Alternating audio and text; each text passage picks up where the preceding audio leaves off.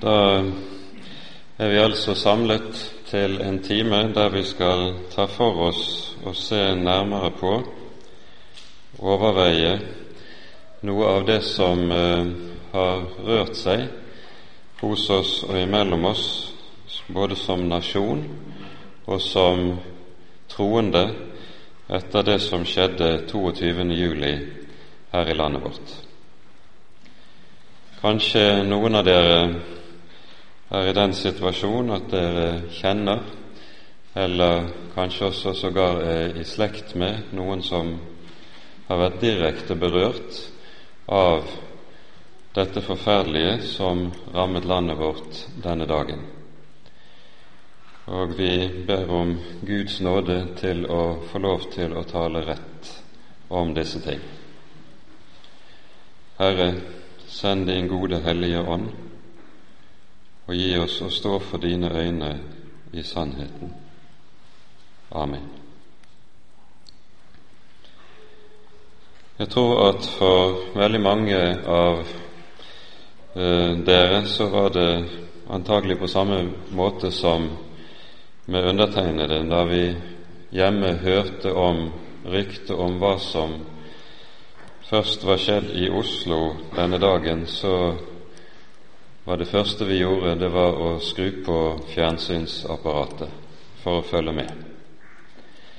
Og det ble noen døgn der vi ble sittende foran apparatet og i økende grad var forferdet over hva vi ble vitne til. Og dette gjelder vel hele nasjonen og hele folket vårt som fellesskap, at noe av dette denne forferdelse og nummenhet eh, preget oss alle i disse dagene. Og så har i ettertid gradvis det meldt seg eh, ettertanken i forhold til både hva som skjedde, og ikke minst også i forhold til de reaksjonene en har kunnet være vitne til og jeg tror også det er nødvendig kanskje å reflektere over hva dette betyr med tanke på Kirkens situasjon i folket vårt. Det første vi må peke på når det gjelder terroraksjonen 22.07, det er den rolle ideologiene ser ut til å kunne spille ikke bare rent historisk, men også i det enkelte menneskes liv. Rent historisk ser det nemlig ut til at mennesker aldri får seg til å gjøre så meget ondt som når de tror seg å handle i den gode saks tjeneste. Det er nettopp i innbilningen om at man kjemper for et eller annet godt mål, at de frykteligste handlinger har skjedd i historien. Det er dette vi ser i kommunismen. Stalin og Mao har alene tatt livet av over 100 millioner mennesker, alt i kampen for et samfunnsmessig utopia. Man kjempet for noe godt, men ble onde og gjorde ondt. Noe av det samme var jo for så vidt også tilfellet med de som var overbeviste nazister. De kjempet for noe som de selv mente var rett, som var godt, men ble onde. Og Nøyaktig det samme er det som må sies også om Anders Behring Breivik og hans handlinger. Han er styrt av en ideologi der han mener seg å kjempe for noe som er godt, og blir ond, og kommer til å gjøre handlinger som er ekstremt onde. Og Dette peker på noe av det som er ideologienes store fare rent menneskelig. Ideologiene har det med seg at de kan ødelegge menneskenes samvittighet den samvittighet som vet seg at forpliktelsene overfor nesten er noe som går foran det meste annet. Og den evnen som ideologiene har til å ødelegge menneskets samvittighet, og dermed det rette skillet mellom godt og ondt, det er noe av den dypeste og alvorligste fare som vi har sett med ideologiene, og ikke minst det siste århundret har lært oss på forferdelig vis. Jeg tror det er det første vi skal gjøre oss klart i møte med dette. Så har vi også i ettertid sett en type retorikk komme til å gjøre seg gjeldende i så godt som hele og prege hele det offentlige rom. En retorikk som har det med seg at det å representere en islamkritikk av mer dyptgående og vidtgående karakter, det gjøres så ensbetydende med at da er en også villig til å anvende vold på samme måten som Anders Behring Breivik var det. Med det til følge at det å alvorlig eh, kritisere eh, islam det er nærmest blitt illegitimt i det offentlige rom i kjølvannet av det som skjedde 22. juli. Til det er det å si at det er en meget stor forskjell på det å vise vilje og evne både til å analysere og kritisere en religion som representerer det islam faktisk gjør, og på den annen side å vise vilje til å bruke vold for å fremme egne synspunkter. Det som virkelig er alvorlig, det alvorlige, det alvorlig gale med det som skjedde 22. juli, er Anders Berings Breiviks manglende hemninger i forhold til det å, å bruke vold for å hevde sine standpunkter. Her er jo vår bibel meget klar. Det enkelte mennesket har under ingen omstendigheter Guds tillatelse til å anvende vold for å fremme egne synspunkter. Slik Bibelen taler om det, så taler den om at det er staten som i det verdslige regimentet har rett til å bære sverdet og også være en hevner over den onde gjerning, slik Paulus uttrykker det i, det, i Romerbrevets 13. kapittel. Det enkelte troende menneske har ikke mandat til eller rett til å gjøre tilsvarende. Det vil nemlig meget fort komme til å lede et samfunn ut i et kaos nettopp av vold, om noe annet skulle være saken så har statsmakten rett til ved politivesen og ved militærvesen å anvende vold for å beskytte sine innbyggere mot det onde. Men det enkelte mennesket har ingen slik rett. For det enkelte gjelder det overalt det som eh, Skriften lærer oss om forpliktelse til kjærlighet mot vår neste, og ikke minst det som legges inn over eh, oss en rekke steder i Den hellige Skrift ta dere av den fremmede. Når fremmede mennesker kommer til vårt land, uavhengig av religiøst ståsted, så er det en kristen plikt å ta seg av disse med kjærlighet og med omsorg. Og skulle det være mennesker som ikke eier den kristne tro, så hører det med til kjærlighetens vesen også å forkynne evangeliet overfor de som kommer til vårt land. Så for politikere og statsmakt sørge for å arbeide med spørsmål om hvem som skal ha disse rettigheter til å komme til vårt land, men for oss som troende er det en ubetinget forpliktelse å ta imot den fremmede og ta oss av den fremmede med kjærlighet.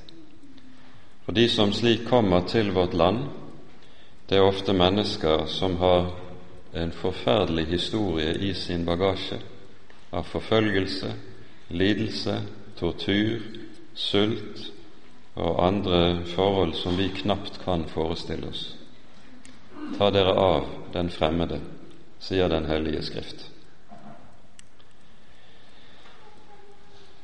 Så langt tror jeg vi må si noe, begrense oss til å si noen korte ord om akkurat denne siden når det gjelder det som eh, har preget den offentlige debatt etter eh, 22. juli. Nå er det jo også slik at vi har kunnet både høre og lese i den kristne dagspresse, ikke minst, for ulike typer forsøk på å fortolke de begivenhetene som fant sted denne dagen. Og det har vært kanskje ikke så rent få røster som har hevet seg, og som har hevdet at dette er Guds straffedom over dem som ble rammet spesifikt denne dagen. En forsøker da å hente frem ulike ting som skal ha skjedd på Utøya, og som Gud da har funnet grunn til å straffe disse ungdommene på Utøya med. Til det er det å si at slike slutninger har vi som troende ingen rett til å trekke. Det er slik med enhver historisk begivenhet at den er tvetydig. Det vil si at vi kan ikke noen av oss vite hva som er Guds hensikt med at det ene eller det annet kommer, skjer på historiens arena. En kan ut fra sitt ståsted tolke de ulike begivenheter både på det ene og på det annet vis. For å ta et historisk eksempel. I 1870 så fant det første Vatikankonsil sted i Roma. Og Det var på dette Vatikankonsilet at det ble vedtatt dogme om pavens ufeilbarlighet. Det var meget stor uenighet under dette konsiliet om nettopp denne saken. Og natt til julaften, etter at dette var vedtatt, det skjedde lille julaften i året 1870. Så gikk det et forferdelig tordenvær over Roma som det ikke hadde vært like til på årtier. Og da brøt motstanderne av dogme om pavens ufeilbarlighet ut. Nå ser vi hvorledes Gud vredes over hva som skjer i Kirken. Tilhengerne av dogme, de sa på sin side motsatt. Nå ser vi hvorledes mørkets makter raser forgjeves på grunn av at vi har vedtatt dette. Her hører vi nettopp dette. Det er noe som skjer, og som uavhengig av ståsted tolkes på vidt forskjellig vis. I vår bibel ser vi og da taler vi om, først og fremst om Det gamle testamentet.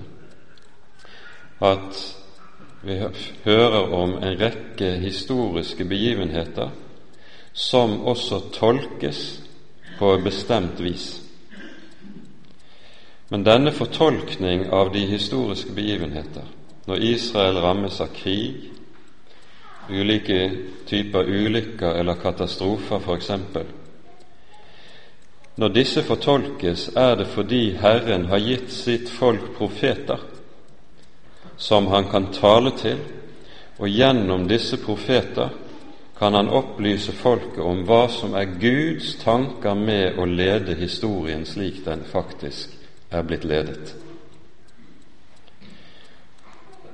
Og på dette vis kan profetene på autoritativt vis, fordi de er Guds munn, fortolke begivenhetene og si dette var Guds mening og Guds hensikt, så og så ville Gud med dette som her har skjedd dere.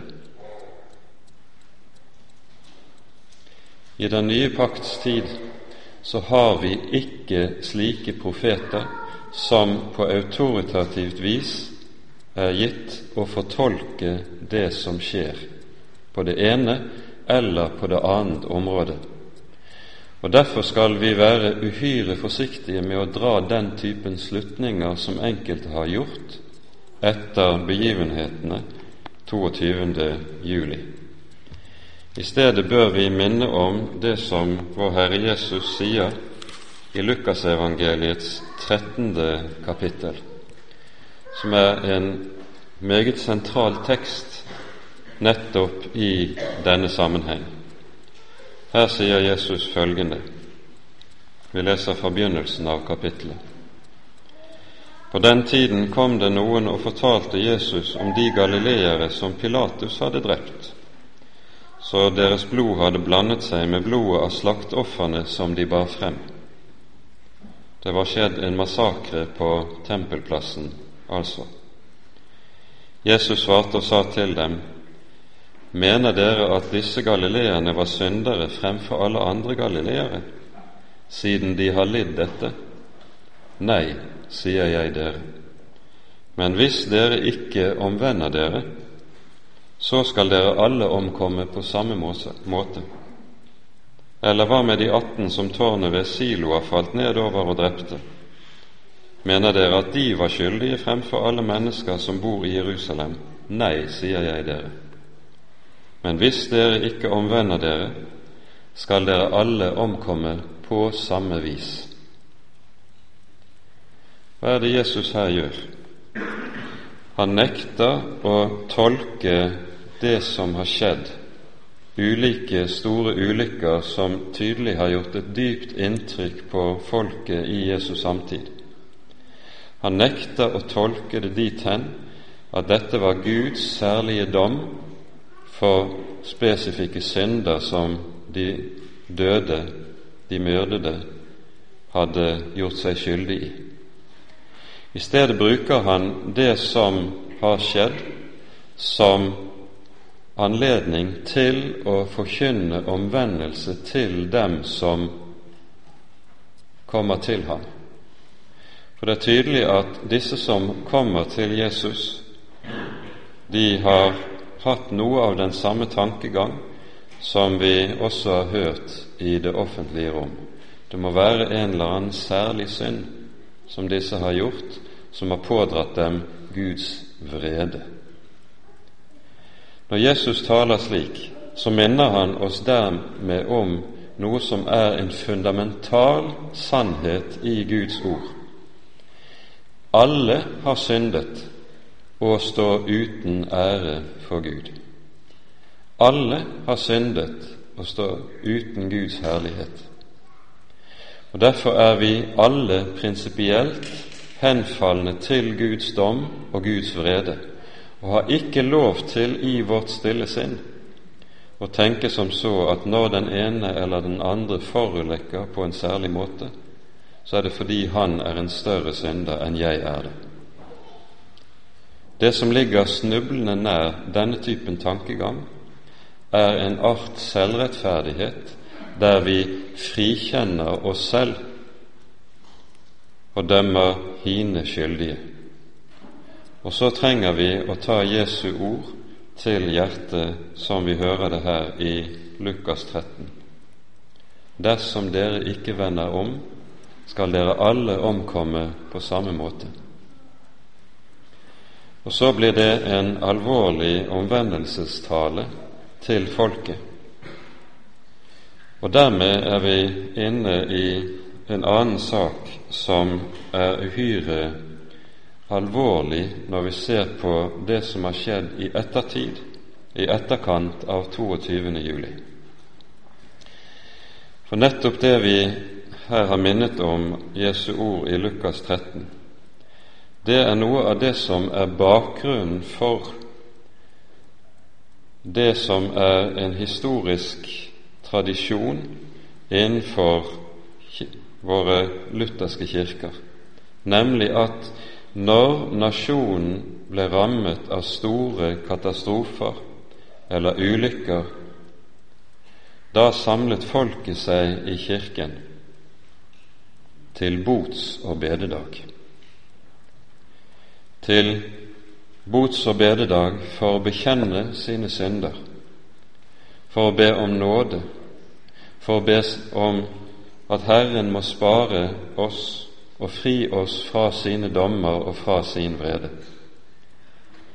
Det ble altså slik at en konsekvent leste ulykkene slik at det var en Guds påminnelse til oss som sitter tilbake, nettopp om å vende om og vende tilbake og søke Herren med alvor i det en bekjenner sine synder. Og Det har også vært noe av det som har vært den store og den viktige rolle som Kirken har hatt nettopp under slike tider i folkets liv. Det alvorlige som vi kan se i ettertid av det som skjedde 22. juli, det er at denne tonen har vært fullstendig borte ifra den kirkelige forkynnelse og fra det kirkelige vitnesbyrd.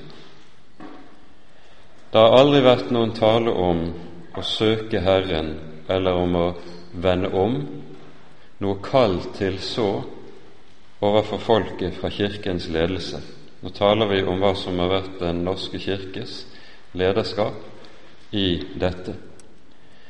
Det som skjedde etter 22. juli, var jo at folket samlet seg i kirkene. En fikk et veldig behov for også religiøs trøst. Og Dette behovet kom til uttrykk ved lystenning i kirkene, lystenning på særlige plasser rundt om i byene. En tente lys for de døde, sørget sammen og gråt. Alt sammen legitim sorguttrykk. Men hva hadde Den kristne kirke å si inn i dette? Ved minnegudstjenesten bare to dager etter i Oslo domkirke, der hele nasjonens ledelse med både regjering og storting og kongehus var til stede, hva var det som lød der? Det var en anledning til å forkynne Guds ord og vitnesbyrdet fra Den hellige Skrift, som savner sidestykke i nyere tid. Men var det Guds ord som ble forkynt? Det som lød, det var et vitnesbyrd om at Gud er en psykoterapeut som har varme armer og et varmt fang du kan sitte og grøte på. Og så må vi hegne om hverandre og favne om hverandre og gråte sammen, og på den måten kan vi komme gjennom sorgen. Det som skjedde i det offentlige kirkelige vitnesbyrd, det kom til å bli et fravær av bibelsk substans som omtolket og omgjorde Bibelens vitnesbyrd om hvem Gud var, til at Gud ble en vennlig humanist, Gud ble en psykoterapeut som eh, på denne måten tok oss på fanget for å trøste oss som nasjon. Det var intet substansielt bibelsk vitnesbyrd. I Dagens Næringsliv eh, en ukes tid etter dette så sto det en kommentar skrevet av et medlem fra Human-Etisk Forbund. En kommentar som kanskje bedre enn mange ord eh, tolker hva som skjedde med den, er skjedd med Den norske kirke i dette. I overskriften på artikkelen som lyder 'Gud etter terroren', sies det følgende På 50-tallet avskaffet statskirken helvete. Etter 22. juli 2011 har Gud blitt en statist i kirkerommet. Jeg leser et par avsnitt fra denne artikkelen som er meget treffende.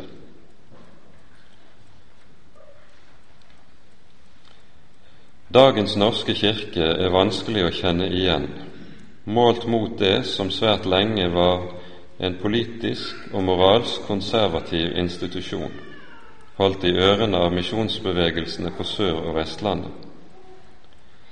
Men så forsvant trusselen om helvete som straff på 50-tallet, og siden har man vært nødt til å godta både kvinnelige prester, selvbestemt abort, homofili, pornografi og rusdrikk. Særlig på 90-tallet skjøt utviklingen fart. Den særnorske bedehuskulturen tapte brått og hardt medlemmer, og gaveinntektene og fikk mer enn nok med å sikre egen overlevelse.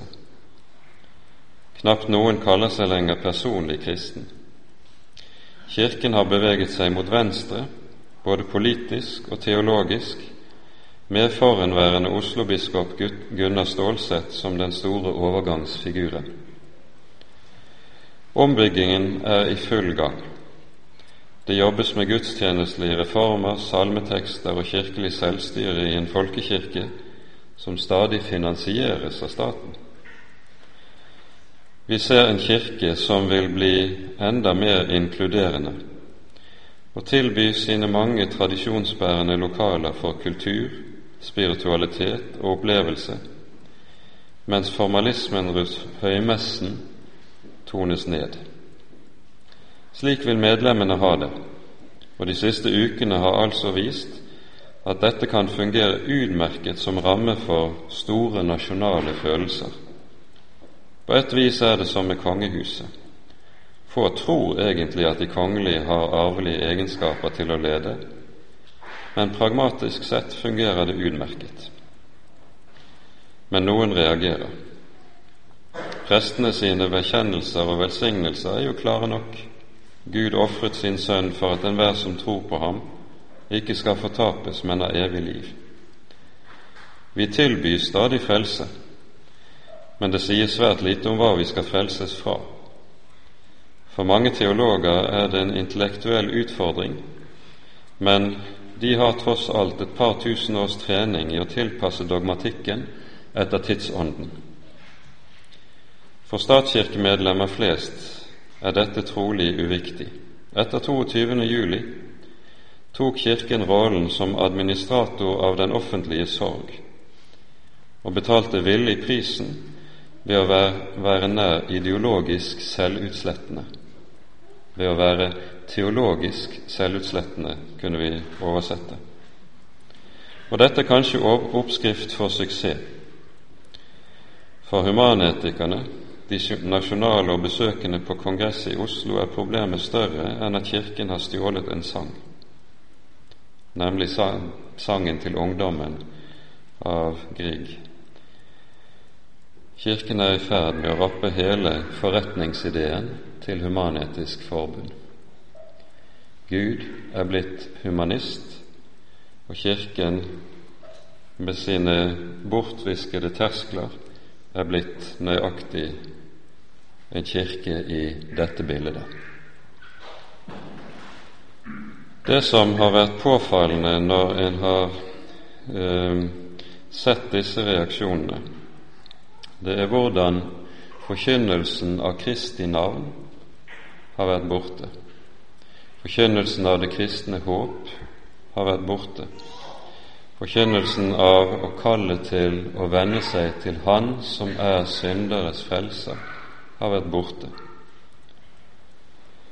Og en ser Kirken ta form i det bildet som en tysk, kjent tysk teolog um, malte frem allerede så tidlig som på 1930-tallet, Reinhold Niebuhr, der han beskriver det moderne menneskets religion som følgende.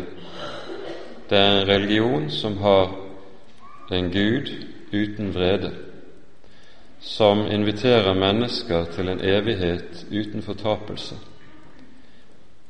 mennesker som er uten synd, og dette skjer ved hjelp av en Kristus uten kors. Det er en tilpasset religion der hele den bibelske substans er nivellert. En må da spørre seg hva er det som skjer i noe av dette? Det som forkynnelsen har lagt for dagen, det er et tidsskifte som har skjedd imellom oss som nasjon og som kultur. En kan betegne det ved hjelp av eh, følgende uttrykk, kanskje, som vi finner i, Salomo, i eh, Jeremias klagesanger. Han stiller spørsmålet Hvorfor klager et menneske? Enhver klage over sin egen synd. Saken er den at det som er blitt det moderne menneskets fremste problem, det er ikke at jeg er ond, men at jeg eventuelt har det vondt. Jeg rammes av noe som er vondt. Og all den tid problemet ikke er at jeg er ond, ikke er at jeg er en synder, da trenger jeg heller ikke en Gud som frelser, men jeg trenger en Gud som trøster. En Gud som kan ta seg av meg når det gjelder mine problemer, og hjelpe meg med det.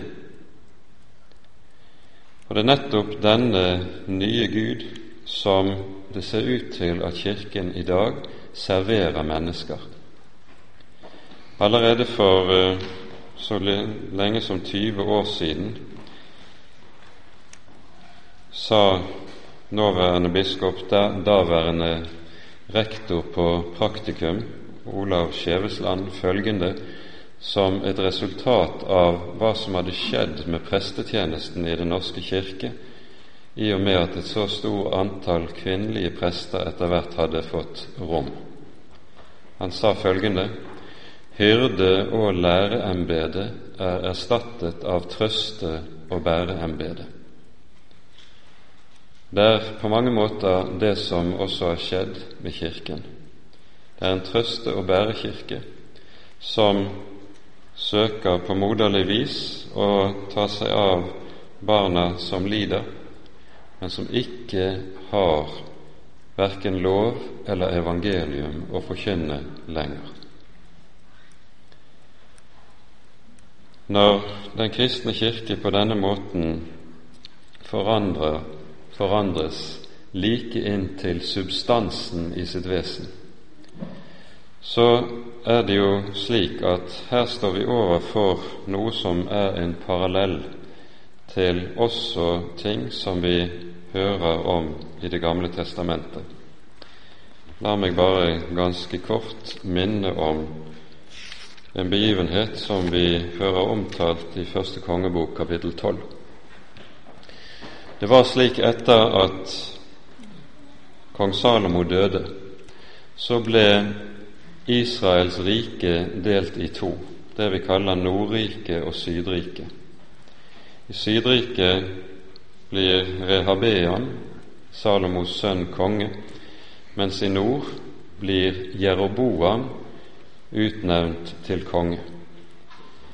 Men selv om riket er delt i to, så ligger jo fortsatt forpliktelsen i folket der til at de skal hvert år, tre ganger i året, reise opp til Jerusalem for å tilbe Herren. Jeroboam er klar over at dette kan utgjøre en politisk trussel for ham. Hvis folket fortsetter å reise opp til Jerusalem, som altså nå ligger i Sydriket, ikke i hans eget rike, så vil folket religiøst sett fortsatt ha sin lojalitet mot Davids hus og mot Jerusalem, ikke mot ham. Følgelig tar han et grep for å sikre at folket også religiøst knytter sin lojalitet til ham og hans rike. Han bygger et tempel i Betel, han bygger et tempel i Dan, setter opp gullkalver der og sier til folket dere behøver ikke lenger å reise den lange og tunge veien opp til Jerusalem. Dere kan bli her. Her har vi tempelet, og dette er meget lettere og meget enklere for dere. Så hører vi han innsetter prester etter sitt eget hode, innretter høytider etter sitt eget hode. Hva er det som er poenget her? Kongemakten søker å kontrollere folkets religiøsitet, for kan han kontrollere folkets religiøsitet, så kontrollerer han folket også. Og Dette ser vi er noe som går igjen gjennom hele historien. De mektige har alltid søkt på ulike måter å ha kontroll over folkets religiøse liv for å sikre, sikre seg folkets lojalitet. I Den kristne kirkes historie kommer dette til, meget klart til uttrykk etter 300-tallet, hvor man med keiser Konstantin, som stanset kristenforfølgelsene, og deretter med keiser Theodosius, som gjorde kristendommen til statsreligion, førte til, dette førte til at du fikk en enhet mellom den kristne kirke og statsmakten, som har vært kjennetegnende for den europeiske kultur siden det. Middelalderens historie har bestått av veldig meget av denne kamp mellom hvem som skal styre er det kirkemakt eller statsmakt? Men det vi ser skje meget hyppig, det er at statsmakten ønsker å benytte denne enhet som den har i forhold til Kirken, på en sånn måte at den vil kontrollere Kirken og dens religiøsitet. Etter reformasjonen blir dette enda meget tydeligere. For Luther for å søke å berge det evangeliske tro inngår han i kompaniskap med fyrstemakten. Og så får du de lutherske statskirker, eh, der du har en enhet mellom stat og kirke som er meget, meget sterkere enn hva som var tilfellet i den katolske middelalder. Det at kongemakten slik ønsker å kontrollere Kirken og dens tro og forkynnelse har et eget begrep i teologien. Det kalles kesaropapisme, nemlig keiseren vil fungere som pave. Kongemakten vil kontrollere troen og forkynne hva som skal være troens innhold. Dette ble i luthersk eh, tid meget tydelig, ganske særlig i de nordiske land, hvor man fikk øvrighetskirken, og hvor presten ikke bare var forkynner av Guds ord, men han var også embetsmann med verdslig makt. Og meget ofte så benyttet også prestene denne sin verdslige makt. Dette kom f.eks. i den pietistiske periode til uttrykk på den måte at eh, etter 1745 hadde alle innbyggere i Danmark-Norge plikt til å gå til kirke, og hvis de ikke gjorde det, blir det ilagt bøter eller kunne sågar ilegges eh, straff i form av fengsel. Det kom også til uttrykk i at eh, hvis noen unge Konfirmasjonen ble jo innført som en obligatorisk ordning og Hvis det var ungdommer som hadde problemer med å lære Pontoppidans katekisme utenat, hele katekismen skulle læres utenat, hadde de vansker med å lære det, så ville de ikke bli konfirmert. Og ble de ikke konfirmert, så hadde de heller ikke rett til å gifte seg. Altså statsmakten går inn og slik kontrollerer menneskers religiøse liv på en sånn måte at den griper inn på områder som statsmakten ikke har rett til å gripe inn. Denne statsmaktens kontroll over Kirken den er fortsatt også frem til vår tid, hvor vi har en øvrighet som ikke lenger er en kristen øvrighet. Regjeringen er sekulær, Stortinget er sekulært, men fortsatt har statsmakten myndighet til å utnevne den kirkelige ledelse. Og statsmakten benytter sin mulighet til å kontrollere Kirkens religiøse liv nettopp ved sin utnevningsmyndighet. Det er ikke tilfeldig at statsmakten de siste 20 årene har utnevnt biskoper som alle sammen drar i en retning hvor man er kommet dit hen at Den norske kirke er et, blitt et bilde av sosialdemokratiet og en del av det sosialdemokratiske samfunns velferdsordninger. Det er blitt en terapeutisk institusjon, noe som meget tydelig har vist seg i det som skjedde etter 22. juli. Det er meget mer å si om dette, men det er viktig å være oppmerksom på den historiske sammenhengen som vi her står oppe i. Det er kongemaktens og statsmaktens vilje til kontroll over det religiøse liv som ytrer seg. Til sist vil jeg nevne i eh, dette som vi her har oppe. Det er mye som sikkert vi kan ta opp i en spørrerunde vi skal ha etterpå. En artikkel som ble skrevet av Bjørgvin biskop eh, noen uker etter 22. juli. Det sto som kronikk i Bergens Tidende. Artikkelen hadde overskriften 'Ingen er så trygg i fare', prikk, prikk, prikk og spørsmålstegn. Og Biskopen skriver der at etter 22. juli finner han det meget vanskelig å synge denne salmen av Lina Sandell. For saken var jo den at alle ungdommene på Utøya de var jo Guds barn, men de var slett ikke trygge i fare. Følgelig er det som forkynnes for oss i denne sangen, noe som kanskje ikke er sant. Dette får en biskop i Den norske kirke seg til å skrive. Hva er dette?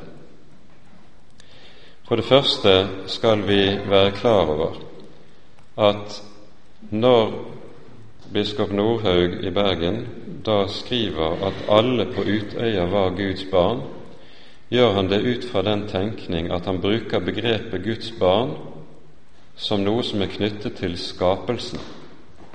Fordi alle er skapt av Gud, er alle Guds barn. Men da gjør han et grep som ikke stemmer med det som er Bibelens vitnesbyrd.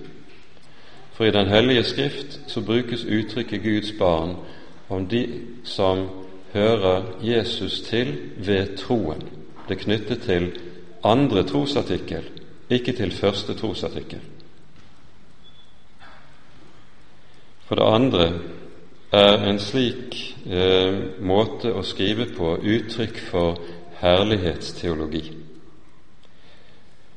Hvis det nemlig er slik at den som synger 'Ingen er så trygg i fare', bare er trygg hvis han ikke rammes av ulykke, sykdom eller død,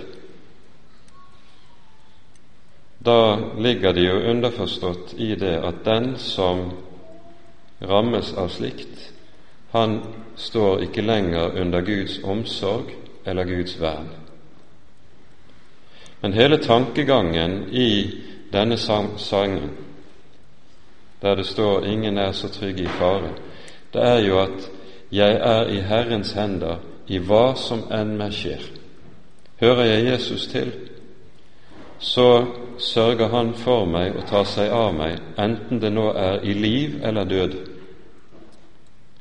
Jeg skal få lov til å vite at jeg er like trygg også den dagen jeg dør, for også da er jeg i Herrens hånd.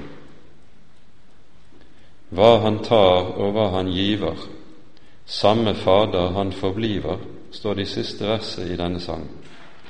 Og det er jo poenget. For så lenge vi er her i verden, så vil det være slik at ingen kristen er lovet å slippe unna det som er nød og trengsel, ulykke, sykdom eller død, som gjelder alle mennesker her i verden. Vi har ingen garantier på dette, noen av oss. Og så er jeg ikke trygg bare når jeg ikke rammes av slikt.